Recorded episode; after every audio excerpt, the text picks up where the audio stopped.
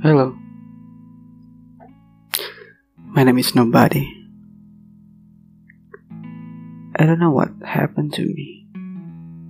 I don't know what's wrong with me. I don't know why. Why I feel like this.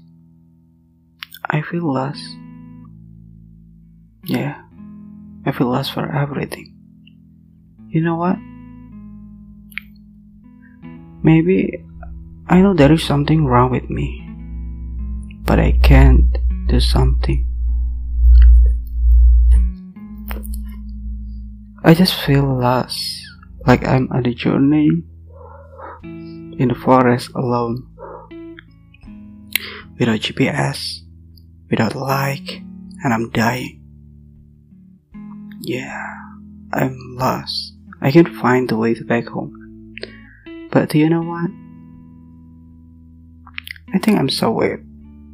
I know what's wrong with me. I know how to fix it, but I just didn't want to fix it. Like trouble and problem is being a part of my life. It's like I want them in my life. I don't know why. Why I have to survive. Family? Come on, dude. Fuck this shit. So, for what? For a better future? How can I want a better future if I didn't know what I want to achieve on the future? I lost my hope and I lost myself. It's like I'm dying, but I still want to live.